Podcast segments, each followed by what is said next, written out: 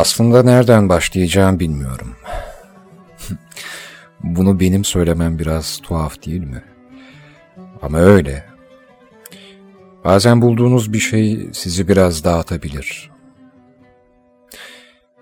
Üstelik o bulduğunuz şey aradığınız bir şeyse yani peşine düştüğüm bir şey vardı. O bir şey bir şarkıydı. Şarkının derinliklerine indikçe, şarkının nereden geldiğine baktıkça, şarkının hikayesine rastlayınca çok etkilendim. Ve bununla bir başlangıç yapmak istedim. Ama dedim ya nereden başlayacağım bilmiyorum. Aslında bir değil iki şarkı var. Hikayesi olan şarkılardan bunlar tamam ama hakikaten bu, bu çok farklı geldi bana. İlk okuduğumda çok etkilendim. E, bir de dinlerken şarkının hikayesini okuyordum. Şimdi ben anlatacağım. Önce anlatacağım sonra hep birlikte dinleyeceğiz. Biraz hüzünlü. Yıl 1943. Ankara Radyosu'nda yüzlerce kişinin girdiği sınavdan sadece bir kişi radyoda stajyer sanatçı olma gururunu yaşıyordu. İzmir'den gelmiş ve 22 yaşındaki bu delikanlının adı Ekrem'di. Ekrem Güyer. Aynı dönemlerde Ankara Radyosu'nda güzel, sakin ve kendi kadar sesi de güzel olan hanımefendi Müzeyher Özerinç'te stajyer solistik eğitimini alıyordu. Önceleri başlayan mesai arkadaşlığı kısa zamanda aşka dönüşüyordu. Ve bu aşklarını nikah masasındaki evet kelimesiyle noktalıyorlardı. Tarih 1944. Kendilerine göre bir dünya kurmuşlardı. Mutluluk kuşları hep bahçelerinde geziyordu. İki yıl sonra çocukları Metin dünyaya geldi.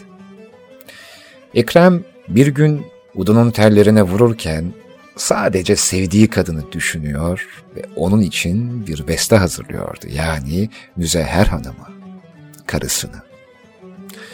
Unutturamaz seni hiçbir şey, unutulsam da ben. Her yerde sen, her şeyde sen, bilmem ki nasıl söylesem. Bir sisli hazan kesilir ruhum eğer görmezsem. Her yerde sen, her şeyde sen, bilmem ki nasıl söylesem. Hatırladınız değil mi şarkıyı? İşte o şarkıyı birlikte söylediler. Sonra Zeki Müren, Hamiyet Yüceses, Müzeyyen Senar derken binlerce kişinin kulağında çınlıyor ve dilinde nameleşiyordu bu şarkı.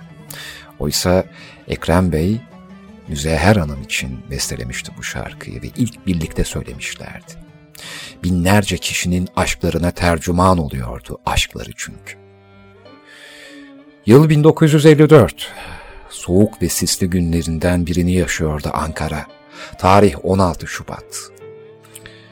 Ankara Numune Hastanesi'nin acilinde bu aşkın son şarkısının taksimi başlamıştı bile. Üç gün çalıştı doktorlar. Durduramadılar Ekrem'in midesindeki kanamayı. Ama esas kanayan, esas kanayan yara Müzehir'in kalbindeydi. Türk musikisinin kalbindeydi. 19 Şubat 1954 günü Ekrem Güyer radyolarda sesiyle ve Müzehir'in kalbinde aşkıyla yaşıyordu. Müzeher, oğlu Metin'le yalnız kalmıştı.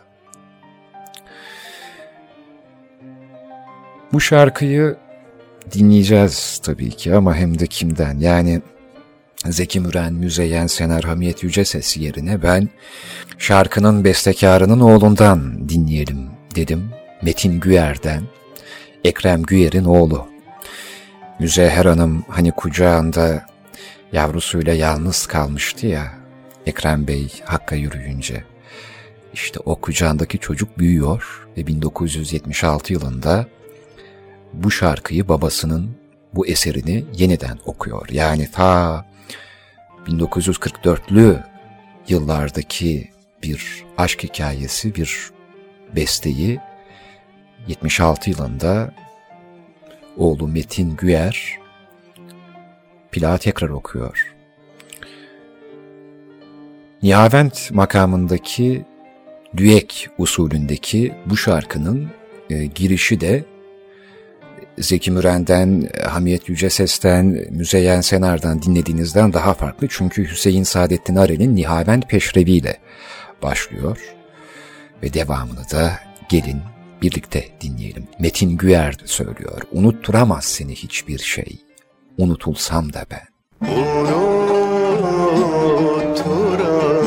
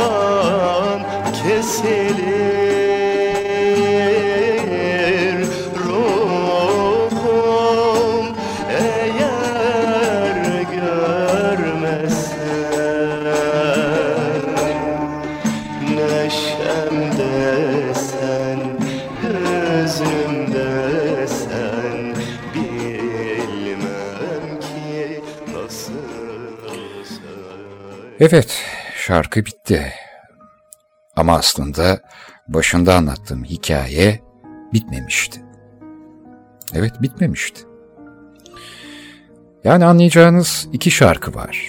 Ben unutturamaz seni hiçbir şeyin peşine düşmüşken bir de baktım ki bir şarkı daha varmış bu hikayenin içinde. Unutmadım seni ben, unutmadım her zaman kalbimdesin isimli eser. Hani 1954 yılında Müzeyyer Anamoğlu Metin'le yalnız kalmıştı ya. Ayaklarının üstünde durmaya çalışacaktı. Nasıl unutacaktı bu aşkı? Günlerden bir gün Müzeyyer Hanım radyo evinin koridorunda elinde bir kağıtla bekliyordu. Bestekar Şekip Ayhan Özışık'la karşılaşır. Konuşurlar. Elindeki kağıtta unutulmayan ve unutulmayacak aşkının güftesi vardır. Ve onu Şekip Ayhan Özışık'a uzatır. Şekip Ayhan Özışık Usta da bu sözleri Karciğer makamında besteler. Ve ortaya unutmadım seni ben, her zaman kalbimdesin çıkar. Yani Müzeyyer Hanım'ın rahmetli eşi unutturamaz seni hiçbir şey unutulsam da ben isimli eseri bestelemişti.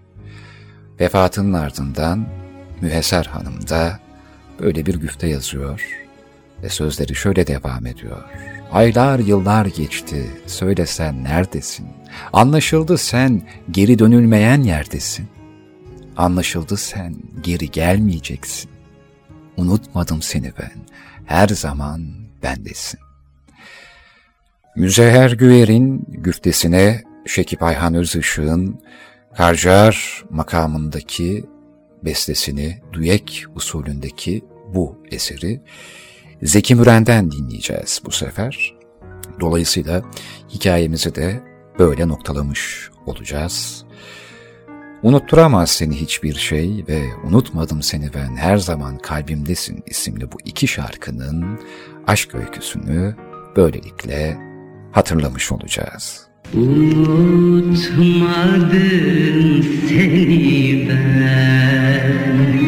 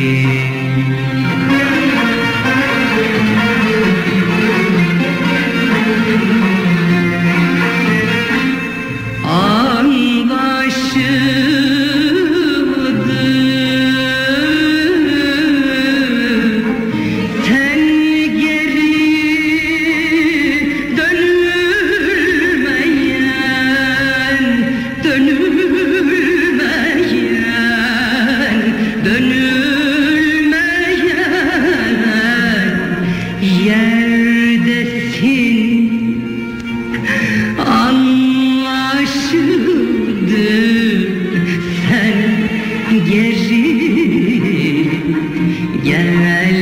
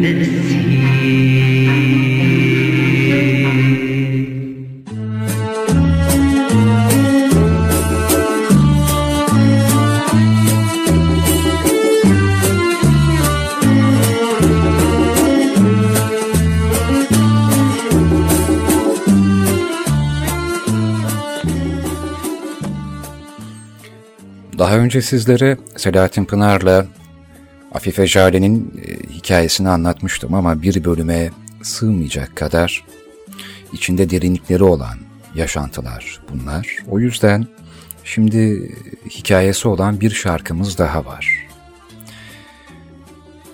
Öyle ki bu şarkı birçok sanatçı tarafından seslendiriliyor ama ilk seslendiren kişi olan Müzeyyen Senar hanımefendinin e, kendi kitabından bir de alıntısı var. Gecenin Matemi efendim bu arada şarkımızın adı.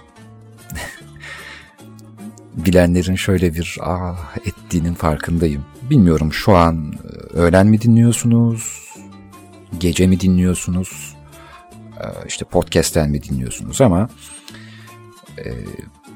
şimdi ne zaman yani ne zaman dinleyeceğiz? Ya bu sabah sabah dinlenir mi? Denebilir. ya gece vakti işte çok hüzünlendim denebilir. Ama zamanı yok işte bazı şeylerin. Kabul buyurun bunu dinleyelim birlikte. Ee, Selahattin Pınar bu şarkıyı babasının ölümü üzerine yazıyor. Ve şarkıyı ilk okuyan da Müzeyyen Senar. Selahattin Pınar Müzeyyen Hanım'ı evine çağırıyor. Gel diyor sana babama yazdığım şarkıyı geçeceğim. Müzeyyen Hanım başka bir odada çalışıyor. Geliyor ve şarkıyı okuyor. Selahattin Bey bir daha okur musun diye sorduğunda Müzeyyen Hanım mümkün değil efendim diyor. Mümkün değil çünkü güftedeki baba acısını bir daha hissetmesi mümkün değil. Bu bilgiyi Müzeyyen Senar'ın hayatını anlatan kitabında da bulabilirsiniz. Yıllarca hep bir sevgiliye yazıldığı düşünülse de aslında Selahattin Pınar'ın babasıyla tartıştıktan sonra eve geldiğinde onun vefat haberini almasının tesiriyle e, yaptığı rivayet olunur bu şarkıyı. Ayrıca e, araştırdığım kadarıyla Üstad Necdet Yaşar'ın notlarına göz atarken kendi dilinden çok sevdiği hikayesini de aktarmak isterim. Şöyle anlatmış Necdet Yaşar. Selahattin Pınar'ın tiyatro sanatçısı Afife Jale ile evlenmesine başta babası olmak üzere tüm aile karşı çıkıyor. Babası biraz muhafazakar, biraz dindar birisi. Vazgeç bu kadından diyor. O da vazgeçemiyor. Bir gece baba oğul kavga ediyorlar. Saat 10-11 civarı. Selahattin Pınar babasına kızıyor, kapıyı vurup çıkıyor. Sabaha karşı üç sularında eve geri geliyor. Geliyor ki evin bütün ışıkları yanıyor. Sadece evin değil, bütün apartmanın ışıkları yanıyor. Allah Allah, herkes uyuyor olmalı diyor Selahattin Pınar. Meğer kendisi evden ayrıldıktan sonra babası ölmüş adamcağızın. Selahattin Pınar bunun üzerine Mustafa Nafiz Irmak'a geliyor. Vicdanen çok rahatsızım. Bana öyle bir güfte yaz ki ben de ona bir beste yapayım, rahatlayayım biraz. Çok üzülüyorum diyor. Ve ortaya gecenin matemi çıkıyor. Bu arada yıl 1934. 1934 yıl. Yani Mustafa Kemal Atatürk daha 4 yıl yaşıyor. Bu şarkı ortaya çıktıktan sonra düşünün. O da dinlemiştir muhtemelen. Gecenin matemini aşkıma örtüp sarayım. Gittin artık sen, ben nerede bulup yalvarayım? Şimdi ben tıpkı şifasız kanayan bir yarayım. Gittin artık sen, ben nerede bulup yalvarayım? Birçoğumuzun bir sevgiliye yazıldığını düşündüğü bu şarkının Selahattin Pınar'ın babasının vefatının ardından ona yazdığı bu içli sözlerin ardından elbette dinliyoruz. Hem de kimden? Tabii ki ilk e, icra edenden. Selahattin Pınar bu besteyi yaptığı zaman evinde e, ağırladığı Müzeyyen Senar'a e, rica ettikten sonra hani ikinci kez söyleyememişti ya yine zor söylüyor ya da hissediyorsunuz. Belki de hanımefendinin taş plak kayıtlarında en etkilendiklerimden bir tanesidir. Hüzam makamında curcuna usulünde ama ne hüzam, ne hüzam.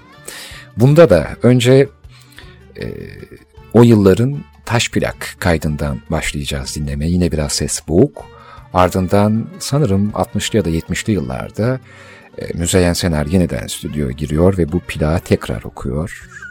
İki versiyonu da aynı eserin içinde mümkün olduğunca kaynaştırarak dinletmeye çalışacağım sizlere. Gecenin matemini aşkıma örtüp sarayım. Gecenin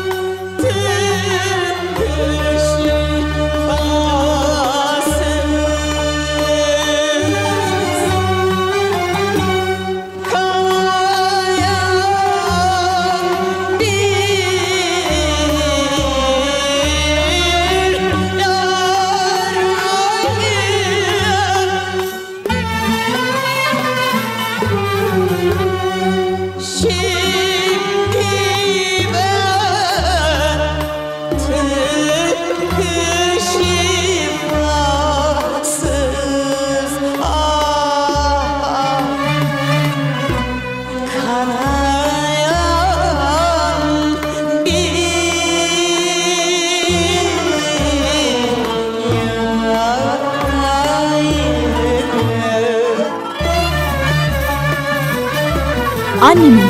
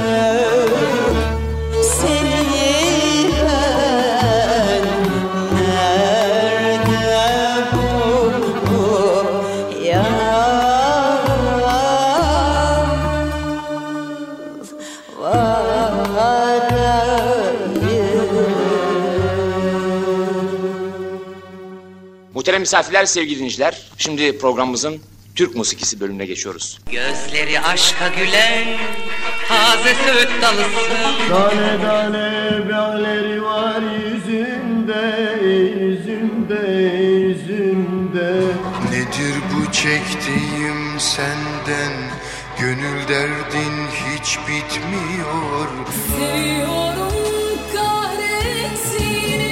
O kadar sevdim ki resmini Sarmaşıksın, karmaşıksın bazen Annemin plakları.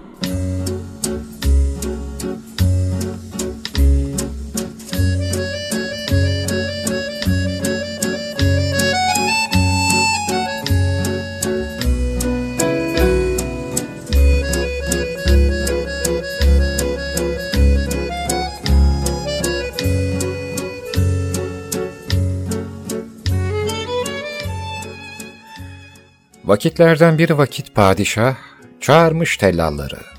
Bana yalan söyleyebilene bir küp dolusu altın vereceğim diyerek ilanını halka duyurma emri vermiş. Yalan güzel bir şey değil ama padişah bu ilanla zeka testi yapacakmış. Yarışma zamanı gelince padişah katılanları teker teker huzuruna çağırmış. Biri kendinden emin bir şekilde yalanını söylemiş. Bir kuş aslanı kapıp yuvasına götürdü. Padişah, bunun neresi yalan? Kuş kartaldır.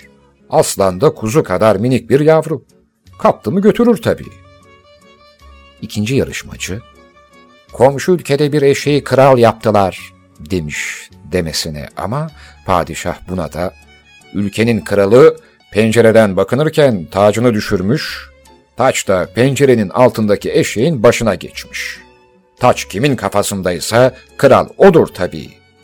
Cevabını vererek bunun yalan olmayacağını ifade etmiş.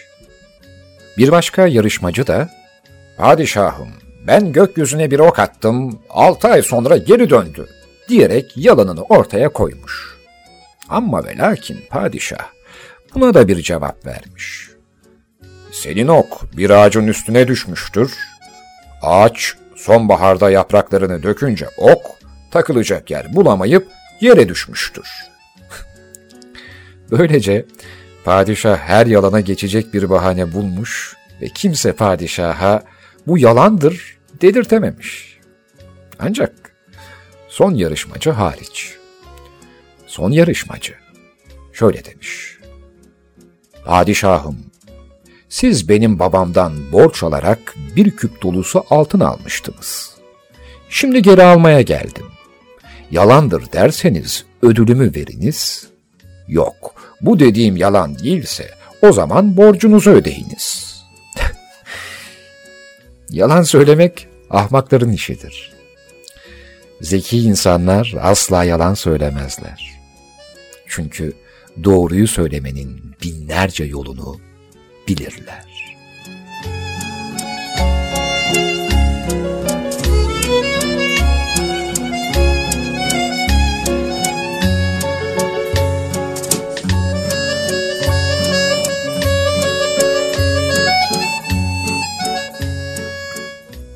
Yalanla ilgili kıssadan hisse masalımız böyleydi. Ama şimdi size biraz turnalardan bahsetmek istiyorum. Belki de en sevdiğim, en sevdiğimiz kuştur. Çok çok, çok ilginç özellikleri var. Yani hem e, dünya uygarlığında Allah Allah uygarlık dedim nedense. Dünya uygarlığı var mı acaba?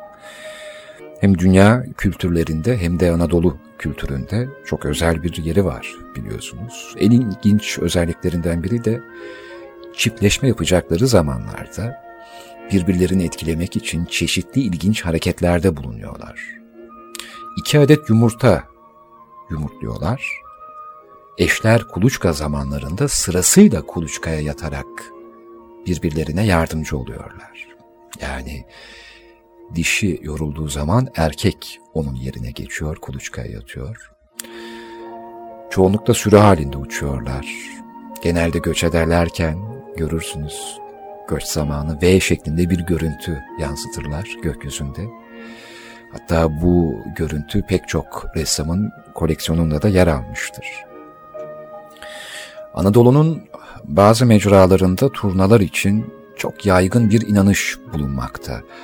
Saflığın, bereketin, mutluluğun, refahın müjdeleyicisi olarak sayıldığı gibi temizliğin, vefanın, sadakatin, saflığın, sabrın, özgürlüğün ve de onun simgesi olarak görülmekte. Zaten ben anlatırken aklınıza birçok turne ile ilgili türkü, hatta şarkı da gelmiştir. Ama Anadolu kültürünün dışında bir de Çin kültüründe e, özel bir yeri var ki onu da anlatmadan geçemem. Kadın çok çalışmasından dolayı Çin'de zaman geçtikçe zayıflamaya ve halden düşmeye başlar.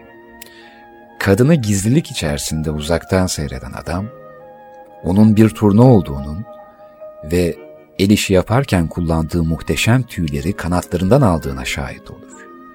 Kadın, adamın onu seyrettiğini fark edince turna olur ve gökyüzünde süzülür. Bu nedenden dolayı Çinliler için turna kuşu, vefayı ve iyiliği sembolize etmektedir. Şimdi bu kadar turnadan bahsedince acaba turna ile ilgili hangi türküyü ya da şarkıyı çalacak diye merak ediyorsanız bence pek de daha önce duymadığınız bir ezgi olacak bu. Ne türkü ne şarkı. Ve çok eski bir kayıt ama plak değil bir band kaydı. Zülfü Livaneli efendim. Gönül Yaralı Turnam isimli eseri. Fakat bu kasetin e, temiz bir kaydını bulmak çok zordu. O yüzden biraz kötü bir kayıt ama yine de değer. Çok güzel bir ezgi çünkü. E, en sevdiğim turnalı ezgilerden, türkülerden, şarkılardan bir tanesi. Ses kalitesinin boğukluğunu göz ardı edip sözlerine de dikkat ederek dinlerseniz benimle aynı hazzı alacağınızı temenni ediyorum.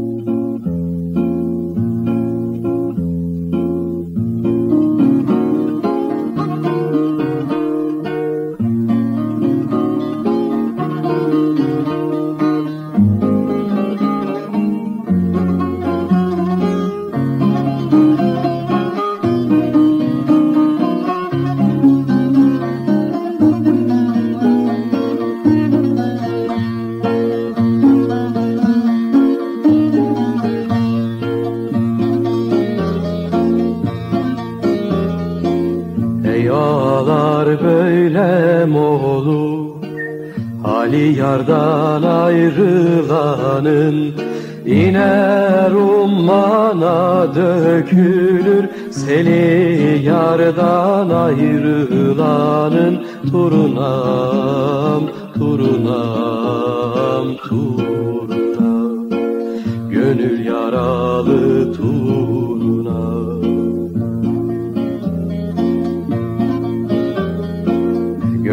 turnalar çekilir iner yerlere dökülür. On beş yaşında bükülür Beli yardan ayrılanın Turunam, turunam, turunam Gönül yaralı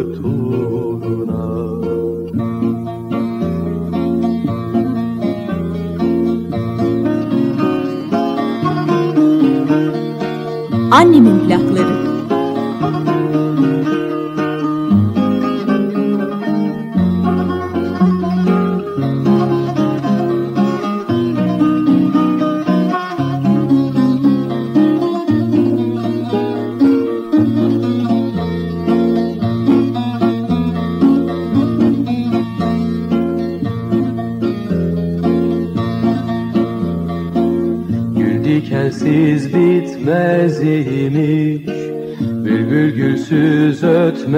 İmiş İşe güce yetmez imiş. Eli yardan ayrılanın Turunam, turunam, turunam. Gönül yaralı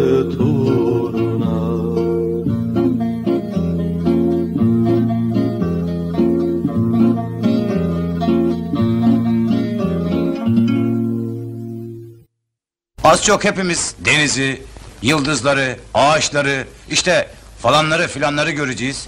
Birçok şeyin tadına bakacağız. Sonra da ister istemez gidiyorum elveda şarkısını söyleyeceğiz. Öyleyse gidenin de kalanın da gönlü hoş olsun.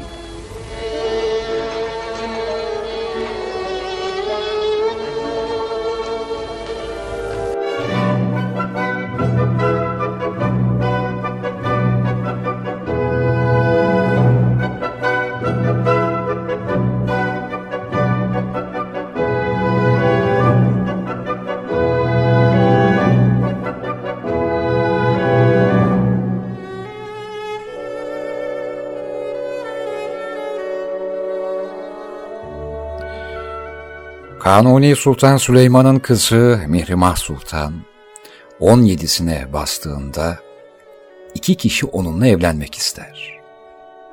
Mihrimah yani Mihrümah Farsçada güneş ve ay anlamına gelir. Kızla evlenmek isteyenlerin biri Diyarbakır valisi Rüstem Paşa, diğeri ise Mimar Sinan'dır. Padişah kızını Rüstem Paşa'ya verir. Zira koca Sinan evlidir. Ellisindedir. Ve de Mihrimah Sultan'a deliler gibi aşıktır.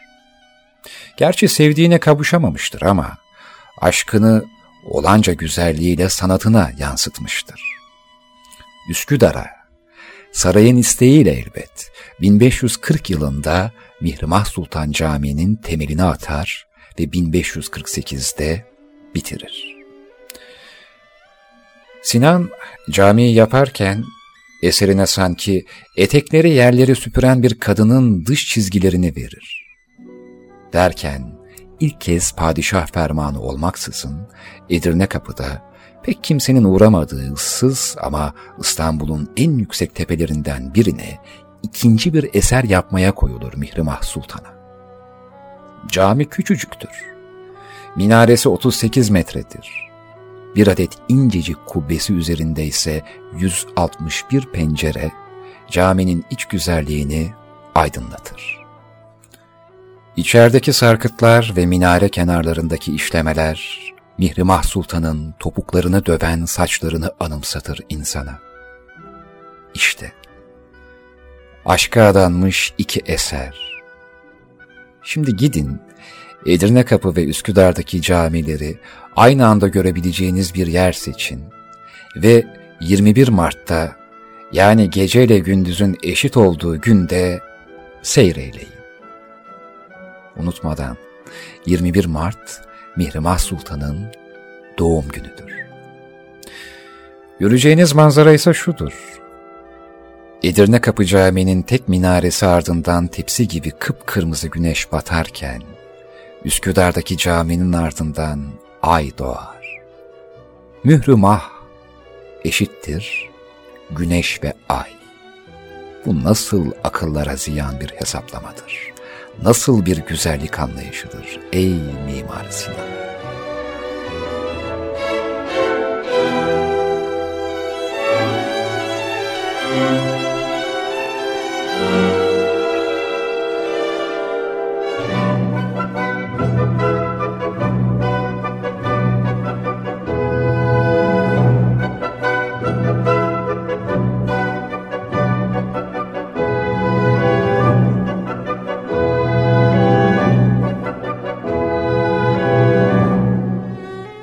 Yangını söndüren kitaplar gönderdim göğüne. Sustukça ağlıyor için. Harflere dönmeyi iyi bilir gözlerin. Oku. Harfler mektuplarımın ruhu. Dağları yürütürdün, açardın kanadını küçülürdü. Kuyusu kuru köhne dünya. Sonra için yandı, söndü volkanlar. Mum kokar yaksam perdedeki bu. Seninle aynı kapı paylaşmak ne güzel duadır. İnsanlar birikti. Taşlar ağırdır anka, her yaşamın çilesi var. Bilirsin, bir de her yaş maske takar yüze. Üzülme, bu hayat gökten inince başlar.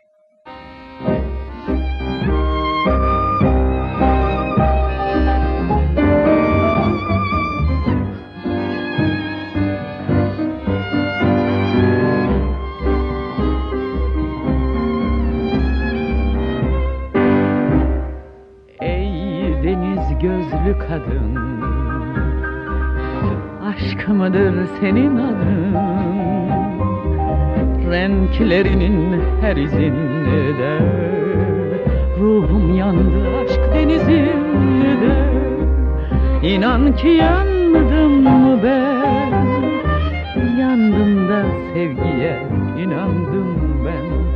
Aşk denizinde bir yongayım ben Meçhullere gidiyorum bir yol ki ufkumda sen Hislerimde sen Ruhumda kalbimde sen.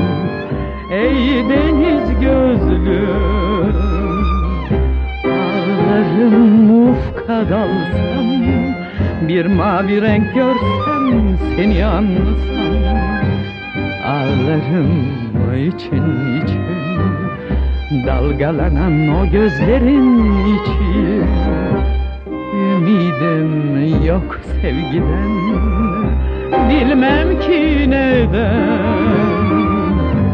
Şimdi de ağlıyorum. Ey deniz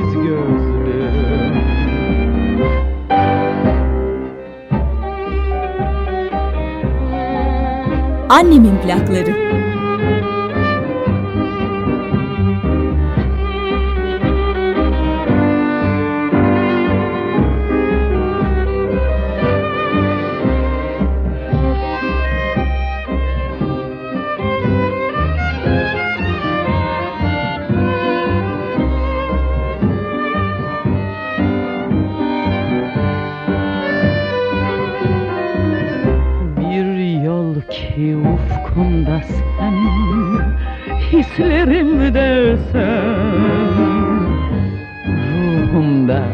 Kalbimde sen Ey deniz gözlüm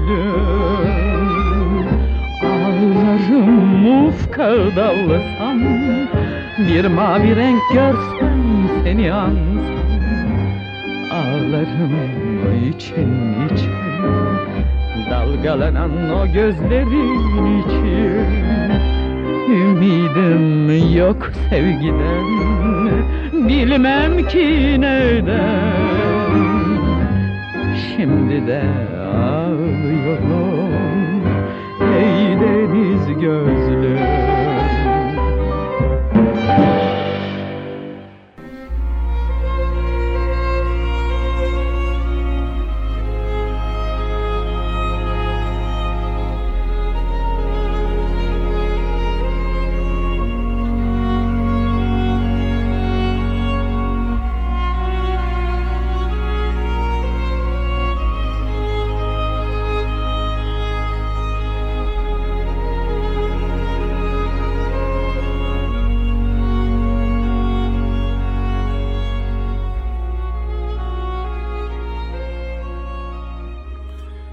Yalnızca bir günah vardır.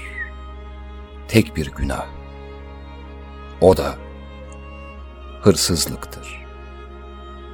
Onun dışındaki bütün günahlar hırsızlığın bir çeşitlemesidir. Bir insanı öldürdüğün zaman bir yaşamı çalmış olursun. karısının elinden bir kocayı, çocukların elinden bir babayı almış olursun. Yalan söylediğinde birinin gerçeğe ulaşma hakkını çalarsın. Hile yaptığın, birini aldattığın zaman doğruluğu, haklılığı çalmış olursun. Bir akvaryumun içine iki balık koyarsan, onlar birbirleriyle sevgili olmak zorunda kalır. Orada artık bir seçim yoktur. Kader vardır. Fakat koca okyanusun içinde iki balık birbirlerini seçerlerse, işte o gerçekten ilahi bir şeydir. İster aşk de, ister tutku de fark etmez. Çünkü bu balıkların arasında zorunluluklar ya da şartların yarattığı mecburiyetler yoktur. Gerçek sevgi, koşullar öyle gerektirdiği için yaşanmaz. Onu sen yaratırsın. Devlerin de zayıflıkları var. Herkül bile bayılmıştı bir defasında. Ben yine de dişlerim sıkılı her zaman gördüğüm gözlerin önümde her şeye dayanabilirim. Uzaklığa, korkuya, kaygıya, mektupsuzluğa. Yalnızlığım, insanların varlığına veya yokluğuna dayanmaz. Aksine, ben bana gerçekten yoldaşlık etmeksizin yalnızlığımı çalanlardan nefret ederim. Sesinde ne var biliyor musun? Ev dağınıklığı var. İkide bir elini başına götürüp rüzgarda dağılan yalnızlığını düzeltiyorsun. Şefkat, şefkat başka bir şey. Ne sevgiye benzer ne salt acımaya. Şöyle bir bulut. Bir sis gibi sarar adamın içini. İnce bir tül flüt sesi. Bir bakıştır bir şeyleri dilemenin bir eğilişidir.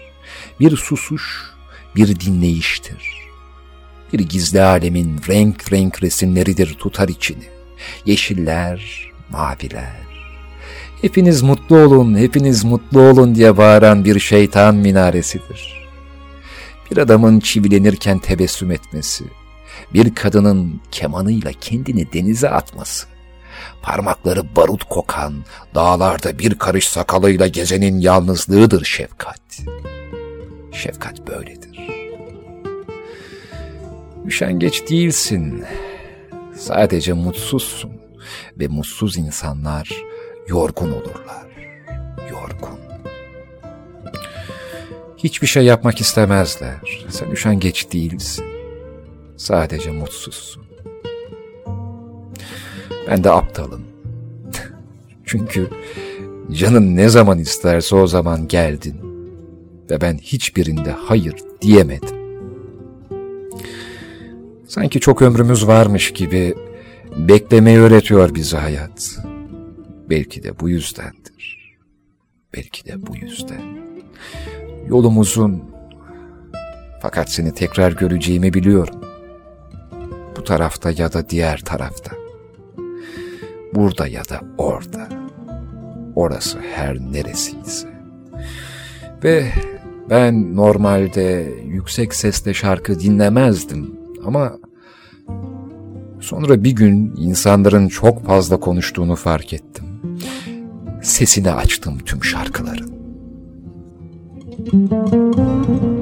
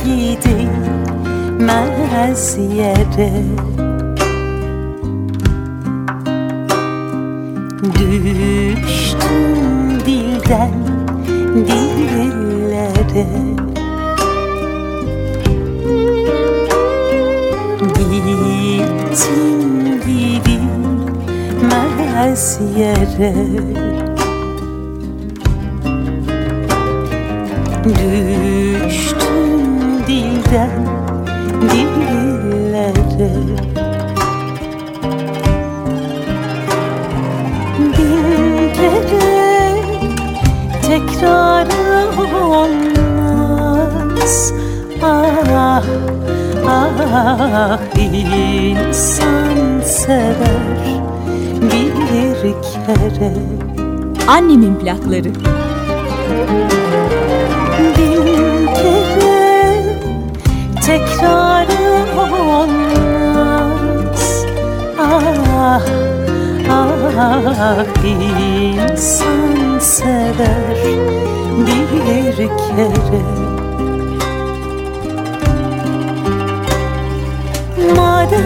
beni bırakıp gittin Yazsınlar adımı bir mermere.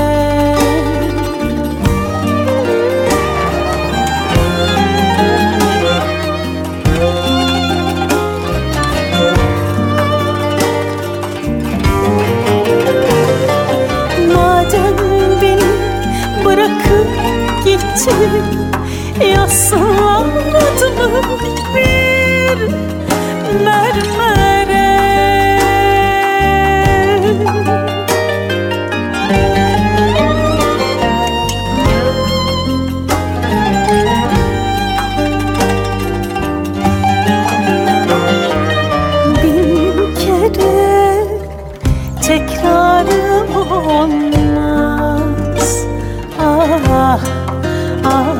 ah insan sever bir kere. Bin kere tekrarı olmaz. Ah ah insan sever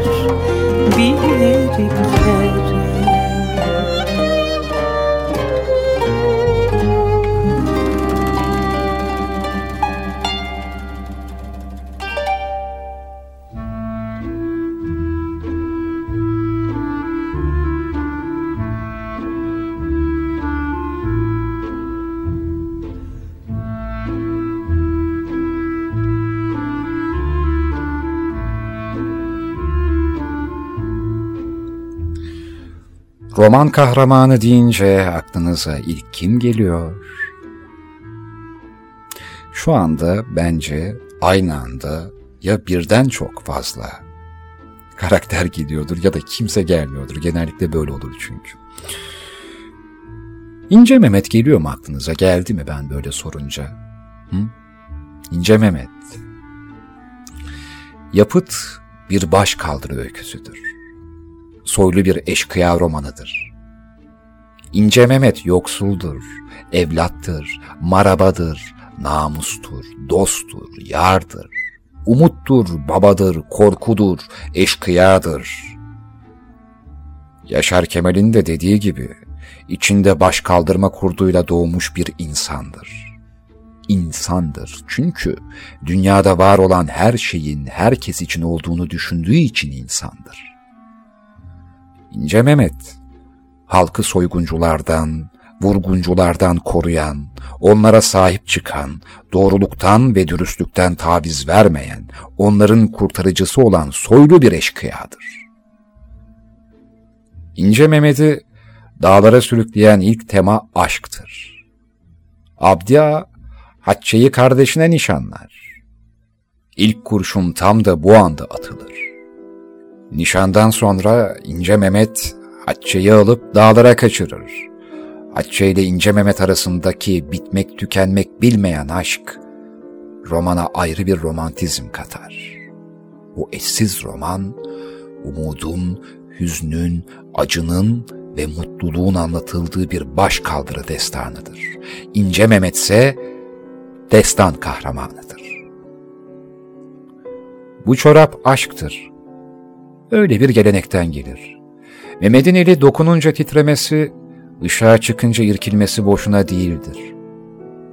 Böyle çorapların üstünde hep iki kuş nakışı bulunur. Gagalarını dayamış öpüşür gibi iki kuş. Sonra iki ağaç vardır. Gövdeleri küçücük, tek, kocaman çiçekli. İki ağaç yan yana dururlar. Çiçekleri öpüşecek gibi burun burunadır. Sonra bu iki nakış arasından süt beyaz bir su akar. Kırmızı kayalar vardır kıyıcığında. Bir renkler, yalımlar cümbüşüdür, almış başını gidiyor. Çorapları giydi, çarığını da üstüne çekti. Çorap dize kadardı. Dize kadar bir yığın kuş, çiçek öpüşüyor. Bir sürü aksu akıyordu. İçinden şöyle bir Hatice'ye de görünsem geçti. Hatice'lerin evine doğru yürüdü. Hatice kapının eşiğindeydi. Mehmet'i görünce kocaman ışıltılı gözleri gülümsedi.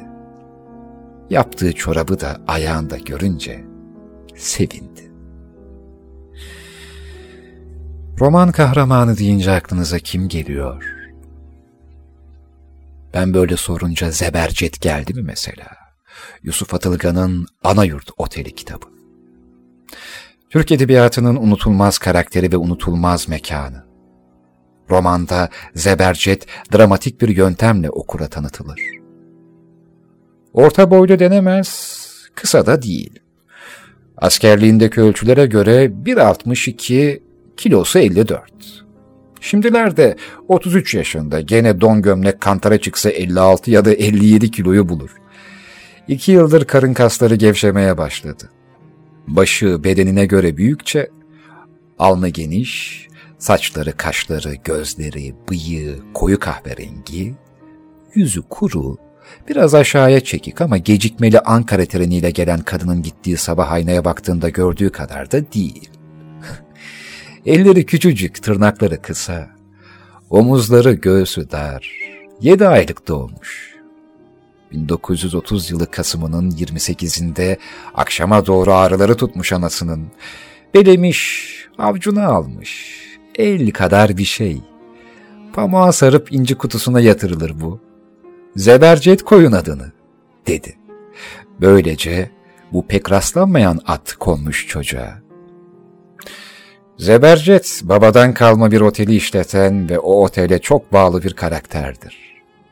Gecikmeli Ankara treniyle otele gecenin bir vakti gelen ve bir gece kalıp giden, giderken bir hafta sonra geleceğini söyleyen ve hatta kendisine günleri saydırarak bekleten bir kadınla tüm hayatı değişmiştir Zebercet'in.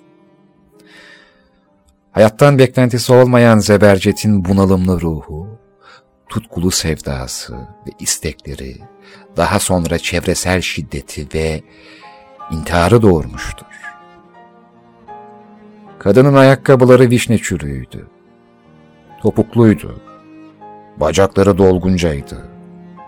Dizlerinin üstündeki çantayı açtı. İçine bakıp karıştırdı, kapadı. Aradığını mendil, sakız, ayna, saat bulamamıştı anlaşılan. Nasıl yaklaşılırdı bu kadına? Ne denirdi? Merhaba bayan, e, bayan, hayır. Merhaba, çoktandır görünmüyorsunuz. Hı -hı. Merhaba, görüşmeyeli nasılsınız? Hı -hı. Merhaba efendim. Efendim, hmm, bu da değil. Merhaba, ne güzel gün değil mi? Ha merhaba, burada mıydınız siz? Çoktandır görmedim de. İyi günler. Neredeydiniz çoktandır? Aa, siz miydiniz? Ne iyi. Merhaba, yalnızsınız demek. İyi günler. İyi günler. İyi günler. Sonu bulunur mu bunların?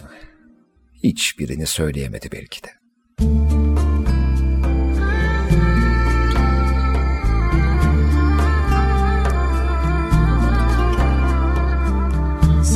Sont devenus blancs par le temps.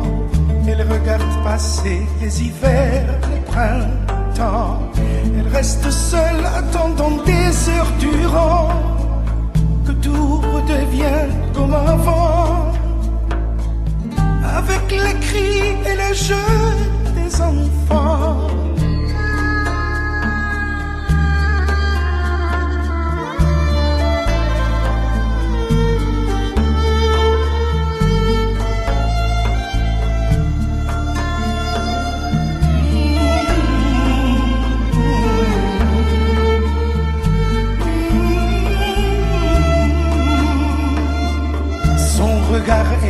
Même depuis cet instant où les hommes sont devenus fous comme avant, ils n'avaient plus que la guerre comme passe-temps, rien n'a changé depuis cent ans.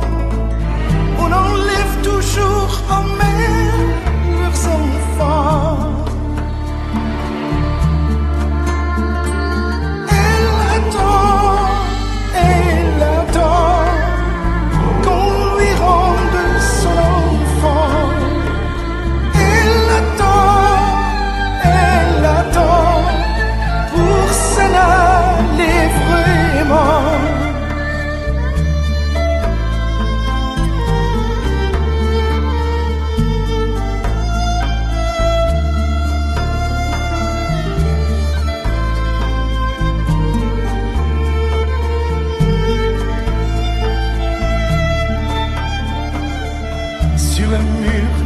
le portrait d'un enfant. Quelle importance, il n'est pas très ressemblant. Tous les jours, elle lui parle inlassablement. Ça lui fait du bien de penser qu'il entend. Les mots voyagent par la magie du vent. Annemin plakları. Elle qu'on lui rende son enfant. Elle attend, elle attend pour s'en aller vraiment. Il a mis le couvert pour deux comme avant. Une jolie nappe et le parfum de l'encens. Elle sait qu'il ne tartera plus maintenant. Elle veut qu'on lui rende son enfant. Il a dû devenir un homme à présent.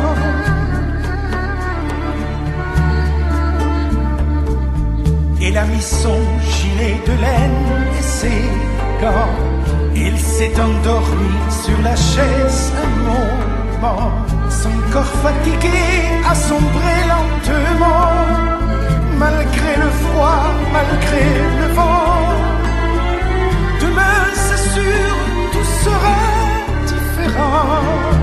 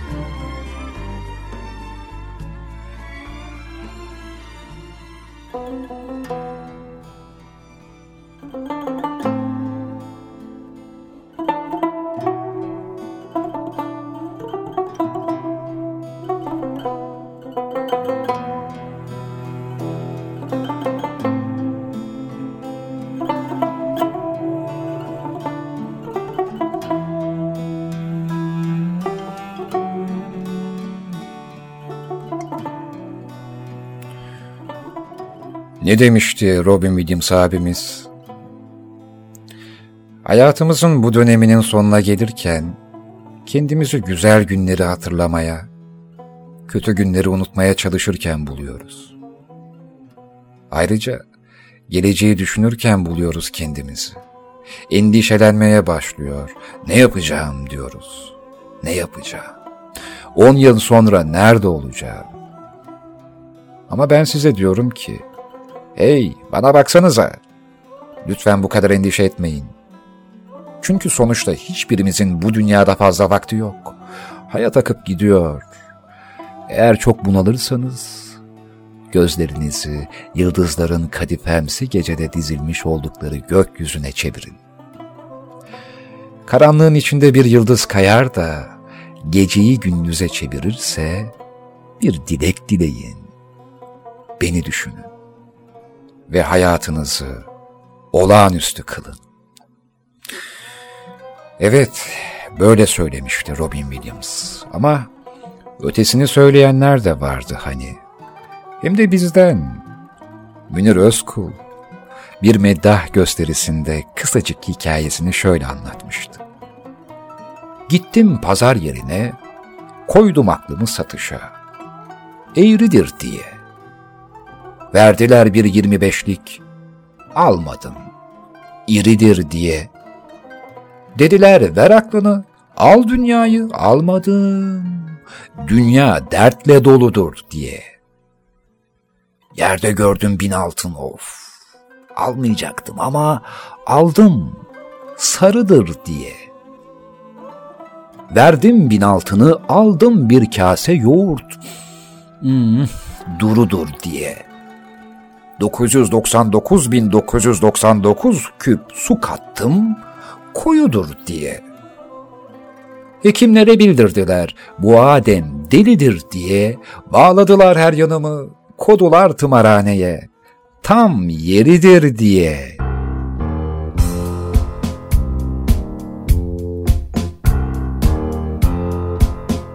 Annemin plakları